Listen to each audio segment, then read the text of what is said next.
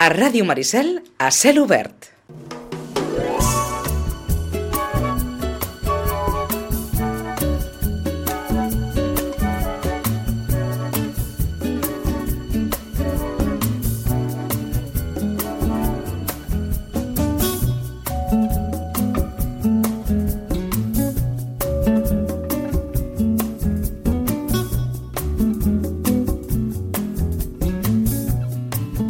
Doncs això, eh, se'ns acosta...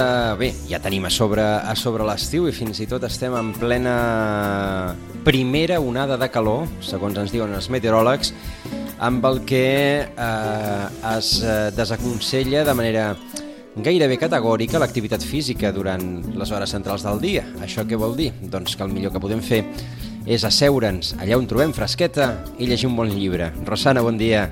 Hola, molt bon dia. Una de les millors recomanacions que es poden fer, oi? Exactament. Asseure's a, asseure's a la fresca amb un llibre i bé, i, i esperar doncs, que passin les hores en les que doncs, totes les autoritats recomanen que no fem activitat. Sí, i bé, doncs hi ha un autor, eh, Francesc Parcerisses, que comença així. Uh -huh. Antigament, quan jo era nen, l'estiu començava amb l'esclat profà de les fogueres per la rebella de Sant Joan.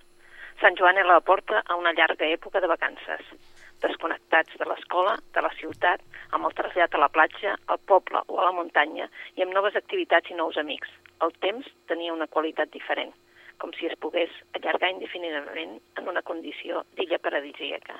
Era una època gairebé sense obligacions, més salvatge, no sotmès a la disciplina del rellotge o de les classes, com si la llum obliqua del matí on el sol que s'adormia mig romancejant darrere dels pollancres i les moreres ensuméssim una llibertat feliç i il·limitada que criatures com eren feia de mal definir. Bé, un estiu. Eh? Tu hi has Mhm. començat parlant de l'estiu, en Francesc Parcerisses acaba d'escriure un llibre que ha publicat Quaderns Crema, que ha rebut un premi, i es diu Un estiu, i aquesta tarda, per tots aquells que estiguin interessats, doncs, que s'acostin a la llibreria perquè el presentem a les 7 de la tarda. Doncs a Llorenç Llibres, Francesc Parcerisses, la presentació de... El llibre es diu Un estiu. El llibre es diu Un estiu, Mhm. com que tu has començat parlant d'un estiu, doncs Sí, sí, començat- hem- he continuat no ens- no ens ho havíem parlat, estiu, no ens ho havíem en parlat. estiu, eh? I, sí, i, i, en canvi, bé, i el David Castillo el presentarà i en Francesc Parcerisses també ens explicarà què ens vol dir amb aquest estiu, que surt evidentment la comarca, perquè també hi ha, doncs, hi ha eh, Francesc Parcerisses està ara aquí i per tant doncs, també surt doncs, la platja i tot el, diguéssim, tots els voltants, per tant també surt eh, tota aquesta comarca nostra. En, eh, és un llibre com de memòries, eh, de rememoració dels estius antics o... i, i, i realment eh, arriba un moment que tu comences a pensar que, que ja s'ha acabat l'estiu de la vida, no? I Mhm. que comença una altra etapa i suposo que és, un, és com un dietari. Eh? D'acord.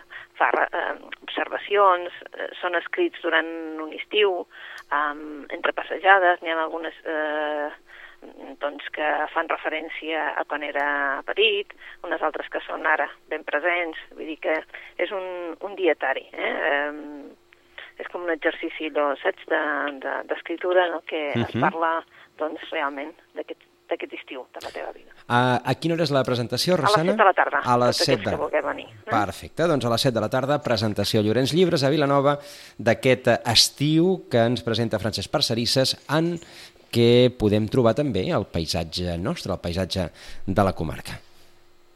Què més? Comencem, Doncs comencem una miqueta el repàs de... de, de, de, de, bé, doncs un dels llibres que, que ja surt a les llistes com un dels més venuts, que ja ens esperàvem, és evidentment el Joel Dicker. Eh? Um, la Magrana hem de reconèixer que tothom, tots els lectors ens diuen que la portada de la Magrana és més bonica que la portada d'Alfaguara. Per tant, Mhm. l'edició en català té una portada diferent que l'edició en castellà del darrer llibre del Joel Dicker que es diu La desaparició de Stephanie Mailer. Uh -huh. Tornem a, a una intriga i tornem amb aquella... El Joel Dicker sempre ha dit que no és que tingui el somni americà, sinó que considera que Amèrica és una terra de somnis. Mm? Um, té una, diguem-ne, no fixació, però sí un, una, un, una especial estimació per, per Amèrica. És un autor que viu a Ginebra, que escriu en francès, però que en canvi eh, les seves novel·les normalment estan eh, totes eh, situades a Nord-Amèrica. A on? Doncs, doncs els Hamptons. Per què els Hamptons? Doncs eh, tot es veu que té una explicació perquè és que el seu oncle vivia als Hamptons i per ell tots els estius durant molts i molts anys, durant quasi 20 anys, doncs anava tot l'estiu, el passava a als Hamptons. Veus això que parlàvem de l'estiu? De, de l'estiu, oi? De l'estiu, eh? És una època doncs, que per ells doncs, era una època doncs, això, no? de somiar, de pensar, de, mm, doncs, tot això que dèiem abans, de, de, uh -huh. de jugar, de, de creure's que en un futur o somiar un futur o digue que vulguis, doncs ho somiava allà, al Hampton. Uh -huh. I és, suposo que és per això que ens porta cap a aquell paisatge, en comptes de portar-nos cap a Suïssa. És una cosa, saps? Que dius, bueno, és un autor de Ginebra, viu de Ginebra i, a més a més, vull dir, escriu en francès, no és que escrigui en anglès. doncs bé. I és, i és peculiar, i tot plegat. Sí, sí, sí. De fet, la seva primera novel·la, la, la, el, el, la veritat sobre el cas Harry Quebert va ser una novel·la que va arrasar. La veritat uh -huh. és que va arrasar, que va agradar a molts i molts lectors, ens va enganxar a moltíssims. Després ens va escriure aquest llibre dels Baltimore, que ens portava cap als Hamptons també, vull dir que era curiós. I bé, doncs ara eh, d'aquesta altra, malgrat que han escrit un altre entremig, vull dir, aquesta altra ens porta una altra vegada cap a on? Pues cap als Hamptons. Eh? Uh -huh. eh, és una població que es diu Orfia, Um, estem als darrers dies de juliol, uh, representa que tota l'acció va començar, tot aquest uh, cas va començar al 94, perquè, bé, mentre mm, s'està intentant doncs, fer una inauguració del Festival de Teatre, eh, però, esclar, eh, falta l'alcalde per, per, per començar i, bé, un home, mentrestant, està buscant pel carrer la seva dona. La troba eh, la troba morta davant de la casa de l'alcalde. Però és que resulta que eh, tota la família de l'alcalde ha estat assassinada. Mm, a partir d'aquí doncs, hi ha dos policies, dos policies, que una parella de policies, la Jessie i el Derek, que són mm, dos policies que molt brillants de Nova York, que venen mm, expressament perquè resolen el cas, però és que resulta que 20 anys més tard, eh, quan s'està despedint a, al Rosenberg, uh, hi ha una periodista, una periodista, la Stephanie Mailer, que assegura que es van equivocar, que es van equivocar, que aquests policies es van equivocar d'assassí, eh, malgrat que no, tenien, no van fer evident que la prova estava davant dels seus ulls. Uh -huh. Pocs dies després, la Stephanie Mailer desapareix. I aquí tenim tot el, bé, tota aquesta novel·la d'intriga que, clar, anirem passant des de el que va passar en aquell moment el 94, el que està passant ara, amb trames, subtrames, personatges, sorpreses, una mica com ens fèiem l'últim cas de, de la veritat sobre el cas de Harry Quebert, uh -huh. que ens portava fins al límit i llavors ja pensava, ah, mira, ja hem trobat l'assassí i no havíem trobat l'assassí, tornàvem a començar, no? Doncs bé, aquí ara en aquesta desaparició de Stephanie Mailer tenim com a quasi, quasi 700 pàgines per disfrutar d'una novel·la 650, em sembla que són, uh, per disfrutar d'una novel·la d'intriga, una novel·la ben escrita que ens porta cap als cantons. D'acord, doncs no, intriga nord-americana escrita en francès i des de Ginebra, eh, com a lectura d'estiu, eh, refrescant, tot i que pesada des del punt de vista de, de gruix, perquè 600 i pico pàgines doncs, eh, vol dir que hi ha una història ben trebada. Sí, una uh -huh. història molt ben trebada. I però que vulgui també una, un llibre pesant, que deies tu, de moltes i moltes planes, eh? Uh, Editora Pro ha tornat a reeditar, que és una cosa que, que hem parlat moltes vegades en aquest programa, a veure si es decideixen a reeditar els clàssics. Aquesta encara en té més de fulls, en té 805, eh? 805 fulls, i estem parlant de La dama de blanc, de Wilkie Collins. Uh mhm. -huh. eh? perquè per aquells que no recordin qui, qui era Wilkie Collins, us direm que era més o menys de l'època del Charles Dickens, eh? perquè Carai. més o menys la gent sàpiga en quina època l'estem situant. Eh? Uh, precisament va ser el, el Charles Dickens, eh? que era un amic també d'ell, que el va animar a escriure i editar aquestes novel·les. Mm, bé, um, clar, aquesta novel·la, La dama de blanc, va sortir primer en fulletons, com era habitual a l'època, i clar, la gent la seguia amb fulletons i volien més i més, fins que al final va acabar la novel·la. Eh? Mm, què ens parla? Pues ens parla de, del Walter, Walter Harwich, que es trasllada, es trasllada a, a una població per fer eh, classes de dibuix. Eh? A una, evidentment, una noia joveneta, eh, evidentment, de família rica, eh, hereva, en, bé, molt ben relacionada, però eh, bé, abans de marxar et topa amb una misteriosa dama de blanc que li parla de la de Limerich, del lloc, i d'una propietària ja morta.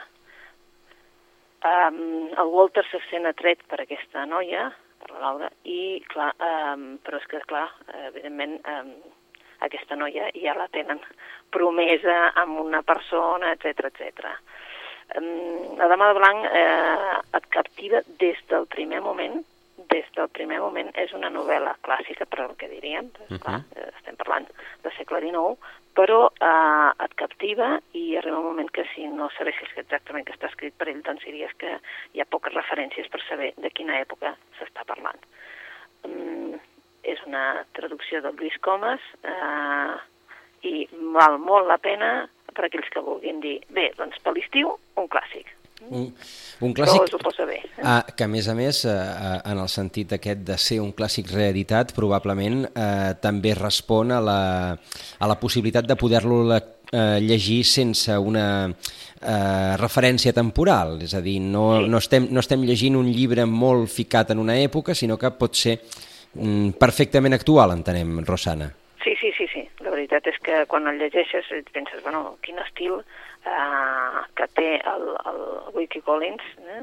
molt diferent, malgrat que és de la mateixa època, és molt diferent de, del Dickens, eh? Uh -huh. ja us ho avisem, vull dir, quan està escrivint, tu dius, bueno, jo la primera vegada que la vaig llegir, la veritat és que em va fascinar, eh, vaig continuar, perquè és que Wiki Collins en va fer bastantes, i pensaries, bueno, com pot ser que això faci més de 180 anys que està, que està escrit, no? Que sí, eh? Um, és una novel·la d'aquelles de disfrutar l'estiu, uh, això que tu deies, a la fresca, perquè ara ens ho hem de posar bé a la fresca uh -huh. i llegir un bon llibre. Mm? Doncs eh, la tercera, a part de la presentació del llibre, doncs la segona proposta d'avui de, de la Rosana, un clàssic eh, d'un coetani, d'un contemporani de Dickens, Wilkie Collins, La dama de blanc. I una altra cosa eh, molt diferent, molt diferent, molt diferent, passem d'un a l'altre, perquè com que de lectors n'hi ha tants i tan diferents, tenim un periodista, un periodista que ha fet una espècie de, de lli llibre en el que diríem dietari, no és dietari perquè no hi ha cap data així, que no, no posa ni les dates ni res, sinó són les aventures i desventures d'un periodista divorciat. I es diu Quina tropa. Quina tropa? Quina tropa. Eh? Bé, eh, és un periodista que ha estat, eh, bé, des del, ha anat des dels funerals de, de Hirohito, eh, va estar, eh, evidentment, a la plaça a la revolta de Tiananmen, també uh -huh. estava ell allà cobrint la, la, la, la informació, mm, eh, va estar a Cambodja, eh, també quan vam tenir la crisi de nuclear de, de Japó amb el tsunami, uh -huh. va estar a Nova York, evidentment, en el 11S, és a dir, és un senyor que diríem que ha estat en el moment clau, ha estat allà. Eh? Uh -huh. Bé, doncs què ens explica? Doncs ens explica les aventures i, i desventures eh? um, d'aquest que és un recorregut del Joaquín Luna com a periodista i és des que ell va començar com a aprenent, no? que i, bueno, que va començar fins i tot, ens explica doncs, eh, una mica doncs, que, que li va tocar doncs, anar al, al, al d'això fúnebre, a les, les exèquies. De... Les exèquies, del Paquirri. Eh? Ah, del Paquirri, mare de Déu. Que, eh? Vull dir que, en definitiva, és un home que ja porta molts anys en el periodisme i que ens explica, doncs, això, aventures i desventures. Algú diria xafarderies, sí, però la veritat és que són, um, són coses que ha cobert a través de l'avantguàrdia i que uh -huh. són tothom molt interessants. De fet, eh? de fet encara és columnista de la, de l'avantguàrdia, sí, sí, Joaquín sí, Luna. Sí, sí, uh -huh. això, vull dir que és un, un home interessant perquè dius, bueno, realment aconseguir, doncs, eh, saps, allò, eh, passat tanta, una, una bona pila d'anys eh, a l'avantguàrdia i fent de periodista, doncs és, ara ja és tot un èxit. Mm -hmm, sí, anava a dir, en el, en el passat encara encara n'hi havia més de corresponsals, ara aquest, aquest format cada cop, cada cop serà més difícil. Doncs eh, quina tropa, una mica de... podríem definir-ho com memòries periodístiques de, de, de, dels atzars de, de Joaquín Luna. I després tenim una novel·la d'aquelles que diríem que és, eh, no sé si en castellà se'n diu un novel·lon, saps? Perquè és eh, del Bikram Sanda i es diu Juegos Sagrados. Eh, és una novel·la que ja s'havia publicat i ara la tornen, la tornen a publicar, però allò que dius, bueno, eh, per què tornen a publicar? Um, doncs bé, l'havien publicat ja fa uns anys i ara la torna a publicar amb aquest segell a, el, amb Random, literatura uh -huh. random, Juegos Sagrados, perquè hi ha una sèrie de Netflix que es farà molt aviat o que deu estar a punt d'estrenar-se. Juegos Sagrados eh, la qualifiquen els, eh, els com una espècie de narcos, eh? una altra sèrie deu ser això, perquè, clar, uh, és una novel·la, una novel·la èpica uh -huh. sobre els, els grans pilars de, de tots, sobre l'amistat, sobre la violència, sobre la traïció, sobre la ciutat en la seva part més moderna i la seva part més fosca. Eh? Jo diria que és una, una novel·la per llegir amb molta calma perquè hi ha molta, molta cosa. I a més a més ens parla de molta part de, saps d'allò, de la Índia, sí. però d'una Índia que potser no és la Índia idíl·lica que es va visitar. Eh? D'acord. saps, es mou per un per una sèrie de paisatges, vale? que són la Índia que es viu, que viuen allà i que és bé, des d'un agent de policia, vale? um, una dona que marxa de, de, de, de la, del seu poblet per ser estrella de cine, um, bé, un, gent que lluita contra tots, contra la pobresa, contra la pressió urbana de no tenir un, un pis per, uh, per cadascú, que han de compartir cases, que han de compartir bé, uh, vídues que, bé, que tenen molt poca cosa a fer si els fills no treballen. Bé, és una, una composició increïble per entendre també que hi ha una altra Índia soterrada, que no només aquella Índia idíl·lica que podem veure eh? dir, ho, en, en segons quins reportatges. Ho podríem definir com una radiografia actual de, de la Índia? Bueno, la, la novel·la es va escriure ja fa 10 anys, eh? Es va publicar fa 10 anys, però sí que seria una radiografia d'aquesta Índia, diguéssim, de la més corrent, de la, uh -huh. de, de, diguéssim, de la gent de peu, no? Vull dir que de la que viu, que viu d'una manera doncs, que es fa cua per, per, per, per l'aigua, es fa cua per una altra cosa, saps? I que potser nosaltres sí que veiem, però que, clar, quan estàs vivint allà això es veu d'una altra manera. Hi ha probablement un, un col·lateral en aquesta, en aquesta proposta que, que ens porta la, la Rosana de Juegos Sagrados, que és, que és aquesta recuperació d'un èxit de, de fa uns anys de la literatura a partir de la propera estrena d'una sèrie televisiva, en aquest cas de, gairebé ni televisiva, perquè és Netflix, però bé, eh, d'una producció audiovisual. Eh, com, com doncs, eh, al final l'audiovisual també acaba estirant de nou de la, de la literatura. Sí, a més, a més és el Vikram Chandra quan recordo que quan la va publicar va venir fins i tot aquí a Barcelona a parlar-nos de la novel·la perquè ell és un autor doncs, nascut a Nova Delhi però ara està ensenyant pues, escritura creativa, em sembla que és de Califòrnia, eh? Uh -huh. I llavors, clar, eh, bé, és un autor que, que ha sigut, doncs, eh, bé, que, que, que mereix premis tant a la Índia com a Anglaterra o Nord-Amèrica, i és perquè és capaç de fer una radiografia, no?, d'absolutament del, del seu país, de, del, que, del que passava en aquell moment o del que no podem veure perquè és una part amagada de, de tot, eh? perquè uh -huh. també, clar, la policia és el que és i, i això normalment no es veu tampoc. Eh? Doncs, doncs sí. qui, qui, vulgui, qui no vulgui esperar l'estrena de la sèrie i vulgui eh, entrar en aquesta radiografia, diguem, de la, de la societat índia més corrent, eh, té aquesta reedició de Juegos Sagrados de Dikam Chandra. Bé, i si hi ha un país que en aquests moments està sortint moltíssim als mitjans de comunicació, perquè sembla ser que, que són els dos grans països, no? Per una banda tenim el Trump i ara sembla que s'ha de fer amic de, de Corea del Nord, no? Que ha sigut sempre aquell país que hem tingut allà com a, eh? com a una cosa, que una roca que dius, bueno, impenetrable, etc etc i que vaja. Eh? Doncs bé, doncs ara tenim una novel·la una novel·la, un thriller, que realment doncs, se situa precisament a Corea del Nord. Eh? Eh. Uh, bé, és un, tots diem, bueno, és un dels llocs més hermètics, eh? I ara doncs sembla que cada dia surti a la televisió, però veja, aquí a la novel·la el que tenim és que una, una desaparició en una platja de Corea del Sur, hm?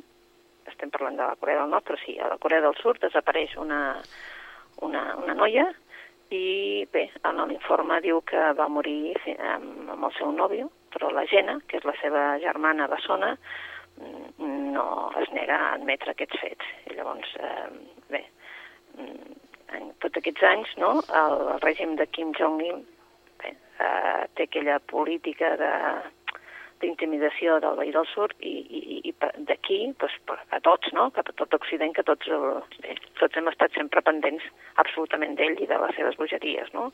Bé, um, ella és eh, llicenciada en geopolítica, um, com que té una, són de mare coreana, eh, per tant, el, el, diguéssim que el seu físic l'acompanya en el fet de poder-se infiltrar a Corea. Eh? Uh -huh. um, I llavors el que és, eh, ella és escollida per reunir-se amb un grup d'experts eh? en, en assumptes nord-coreans que el govern dels Estats Units doncs, pretén eh, doncs bé, entendre eh, alguna cosa davant de l'amenaça d'aquest país. No? Què farà ella? Doncs bé, eh, ella és entesa en una sèrie de coses, però en realitat el que li interessa és veure què va passar, com va desaparèixer la seva germana i, eh, clar, el que ella es converteix en una agent encoberta, infiltrada a Corea del Nord i el que està disposada és absolutament a tot perquè vol saber exactament què carai va passar amb la seva germana. És un thriller, és un thriller que ens situa, doncs això, precisament, en un país en el que rarament s'hi va de vacances, mm. perquè molt disteses no són, no? Uh -huh. um, què ha fet l'autor? Pues, eh, la veritat és que eh, aquest autor és, és de Gales i ell va decidir que buscava informació, informació, informació, després se'n va anar cap a Corea del Nord per poder eh, investigar més i centrar la seva novel·la infiltrada amb aquesta societat. És un thriller, un thriller d'aquells que en mantenen, que, que creus realment que estàs allà, vull dir, i que realment, doncs, eh, eh, dius, bueno, no sé, no sé mai si aniré jo de vacances allà, perquè és que realment, doncs, eh, saps, entre el que t'expliquen aquí, el que tu vas llegint sobre Corea del Nord, moltes ganes tampoc no és un, llibre, un lloc allò que diguis idíl·lic per les vacances, eh? Ah. Infiltrada és això. Eh? Eh, uh, el, nom, el nom del, de, del llibre... Divi John. Divi John. Divi John. Divi John, a la D, B i sí. John. Eh? Vale? I, I el llibre? El llibre es diu Infiltrada. Infiltrada, infiltrada val, val, és que no, no ho havia acabat d'entendre, d'acord, sí, infiltrada. infiltrada. Eh? Uh -huh. És un thriller d'allò, bé, perquè veiem doncs, la, la portada ja va en vermell, vale? identificatiu doncs, d'aquest doncs, país també, eh, una portada vermella amb una noia en el centre i és això, ella serà infiltrada. Eh? D'acord una novel·la també de molta intriga, de molt passar nervis allò per dir a veure què, què, què està passant, perquè és clar, eh? estar en un país com aquell, doncs massa segur tampoc no ho estàs. Eh? Uh -huh. Doncs, doncs infiltrada de Division, eh, una altra de les propostes d'avui de, la, de la Rosana. I abans que arribin les propostes, perquè penseu que a setembre ve molt carregat, setembre i octubre ve molt carregat de noms eh, sí, de la literatura tant catalana com, com en castellà, uh -huh. um, de grans novetats, eh? Si Mendoza, que si la Rojals, vale? moltes novetats. Ara el que ens està sortint també, i també continuarà la tardor, i no sé si això ja el tindrem arreglat, jo diria que no, eh? Mm, en realitat eh, molta cosa sobre el tema polític que estem passant, no? I ara el que ha fet doncs, una autora, una autora ja coneguda, eh, la Lolita Bosch ens ha publicat un llibre que es diu Que no ens guanyi la por. Pacíficament, rebel·lem-nos. Eh? És un llibre molt curtet, eh? molt curtet, i en el que ella, com molts altres, doncs, eh, ens parlen d'això, no? D'aquesta, de, de la por, la por que ens, que ens ha tot a ser, que és una, una por que, que portem tots, no? però que en definitiva eh, és una cosa que ens, ens avisa quan, quan ens hem de preparar, però que la llengua diu més d'un cop eh, ens hem de, ens l'hem de mossegar per, per mantenir-nos sants i estalvis. Eh? Però en realitat és eh, que ell el que ha volgut una mica és de dir, bueno, eh, potser ens hem de moure, potser ens hem de, de dir prou, però pacíficament. Això sí que ella ho vol eh, dir eh, molt clarament, és pacíficament, pacíficament, rebel·lem-nos. Com? Doncs eh, les claus estan aquí, eh, i ens diu mm, ens hauria de fer por no calibrar les conseqüències ni les implicacions dels actes que fem, aparentment per bondat. En definitiva, fa tot un anàlisi de la por, no només doncs, des, del món, des del moment polític, sinó també d'un anàlisi de la por del que la societat pateix. Mhm. -huh. Lolita Bosch, amb un llibre molt d'actual d'ara llibres. Eh, és, és interessant aquesta, una reflexió que se'n se va més gairebé cap, a, cap al camp de l'ètica o de la filosofia, pel que comentes. Mica saps, fa una barreja, és, un, és curtet, és un llibre curtet, darrerament la Lolita Bosch ens, ens porta aquests eh, llibres així més curtets, com era, per exemple, de temes que, que serien molt actuals, l'últim recordem que era la ràbia, eh? Uh -huh. doncs també sobre el tema de bullying, i etc. I bé, doncs ara ha volgut fer aquest molt curtet també, que diu que no ens guanyi la por pacíficament, rebel·lem-nos. Eh? D'acord. I, doncs... I si et sembla, podem acabar amb un molt diferent, molt diferent, molt diferent, que diu ensenya'm la llengua. Eh? Uh mhm. -huh. I tu diries, bueno, això t'ho diu el metge, no?, quan, quan eh, quan vas a, al metge et diuen ensenya'm la llengua, no? Eh, sí. No, no, no. Eh? Uh, el Toni Beltran uh, el que ha fet és un llibre que es diu Ensenya'm la llengua i que pot ser fins i tot divertit per molta gent. Eh? Per què? Perquè doncs, ens parla de, de frases fetes, vale? Mm, és, són un llibre de vocabulari, mm, de lèxic, de lèxic eh, també molt popular, i, i el que vol és recuperar tot aquest vocabulari popular i col·loquial que fins fa molt poc dèiem tots, però que ara, doncs, saps? Vull dir, comença a ser, com, a, com que tots fem una economia de la llengua, doncs eh, sembla que comencem a oblidar. I sobretot la gent jove doncs, no, no els ha conegut tant, no? Um, bé, la paraula encarcarat encara es diu, però si busqueu els, els joves no hi ha ningú que la digui. Uh -huh. eh? um, el, el rimbombori, um, saps allò, coses que normalment dèiem, eh? Um, nyenyo, Sí, sí, Parau paraules, paraules que realment eh, són boniques i que de fet enriqueixen el llenguatge Exacte. que doncs s'estan deixant d'utilitzar per mort probablement d'una certa economia eh, en el seu ús que al final acaba de sent mandra acaba sent mandra. Eh, cada vegada és veritat que utilitzem més eh, vocabulari neologismes que ens venen d'altres llengües, sobretot uh -huh. moltes vegades de l'anglès, i això cada vegada arriba a ser ja una cosa que dius, bueno, si nosaltres això tenim un vocabulari ric en català que, que ens podríem entendre tots i no caldria, no? Uh -huh.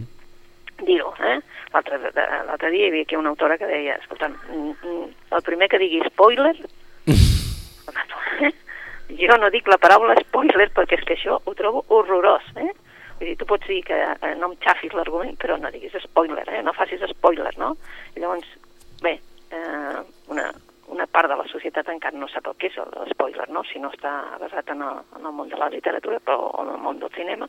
Però, esclar, ja ho acceptem com una paraula nostra quan no és una paraula nostra. Mm? Sí, sí, com certament. aquestes, ja ho saps tu que n'hi ha. I, i, I spoiler, anava a dir encara, perquè en el fons no hi ha una traducció directa del, no, del terme, no, sinó exacte, que és no un significat, però no, però hi ha moltes paraules que, que s'utilitza la, la versió anglesa eh, quan hi ha una...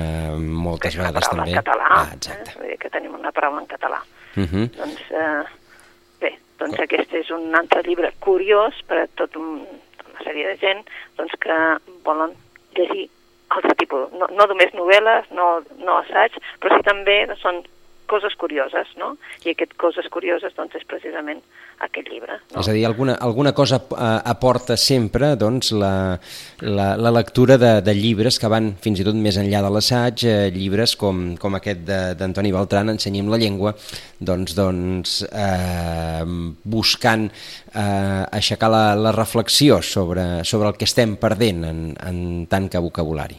Sí, sí, sí. Uh Mhm. -huh. bueno, l'edita una editorial petitona que es diu Gregal, que va fent la seva feineta dintre del, del món de, de, de l'edició, uh Mhm. -huh. i la veritat és que és un, un llibre curiós, d'aquells llibres curiosos que dius, bueno, eh, a vegades te, et ve de gust doncs, seure una estona i dir, no és un llibre per llegir des de la primera a l'última línia, de cop, no? Però sí que és un llibre curiós per anar donant-li una ullada. Sí, eh, i, per, i per, el que dèiem, i per, i per reflexionar. Doncs, doncs avui la, la Rosana que ens ha, que ens ha portat eh, aquesta, la desaparició de la Stephanie Mailer, de, d'en Joel Dicker, eh, doncs ens ha cridat l'atenció un autor que escriu en francès, que viu a Ginebra, però que doncs, té els seus referents a, a la costa est nord-americana i per tant centra allà bona part de les, de les seves novel·les. Eh, doncs escriu bestsellers i per tant una novel·la d'intriga eh, que és el que més s'escau eh, a, a l'estiu i és el que més s'escau que, doncs, com la segona de les recomanacions aquesta, La dama de blanc, un clàssic eh, d'un contemporani de Dickens, Wilkie Collins, doncs que es pot llegir sense pensar que estem eh, repassant un text del segle XIX. Uh, unes, una mena de memòries periodístiques de, de Joaquín Luna, Quina tropa, doncs és, la, és una altra de les, de les recomanacions eh, per aquest estiu que ens porta la Rosana i una radiografia de, de la societat eh, índia eh, a partir d'una una novel·la eh, publicada fa 10, fa 10 anys, Juegos Sagrados de Dikam Chandra, que està a punt d'aparèixer com a sèrie a Netflix i que per tant doncs, eh, les editorials s'apressen a, a recuperar perquè de ben segur eh, serà un èxit. Infiltrada, de Division, una història centrada també a, a, en aquest cas a Corea del Nord, en un, en un dels països més enigmàtics i més, i més tancats del planeta, i dos títols en català. Eh, que no ens guanyi la por, eh, pacíficament rebel·lem-nos, de la Lolita Bosch, eh, doncs aquesta, amb aquestes reflexions eh, a l'entorn de, gairebé ètic eh, de, de la por i de, i de què podem fer com a, com a societat i per últim doncs una altra reflexió, aquesta al voltant de la pèrdua dels valors lingüístics i de, determinada, eh, de determinats elements del nostre vocabulari. Ensenyi'm la llengua de, de Toni Beltran. Són les recomanacions eh, que ens ha fet mm, per aquesta entrada ja de la, de la onada de calor d'aquest mes de- d'estiu la, la Rosana i, un, eh, i una dada d'agenda que també s'ajunta amb la recomanació Un estiu de Francesc Parcerisses que es presenta aquesta mateixa tarda a les 7 a la, a la llibreria, a Llorenç Llibres, a Vilanova i la Geltrú. Rosana, que vagi molt bé aquesta presentació. Doncs, doncs eh, fins la propera i molt de llibres. Ja, exacte, i molt bones lectures. Moltes gràcies.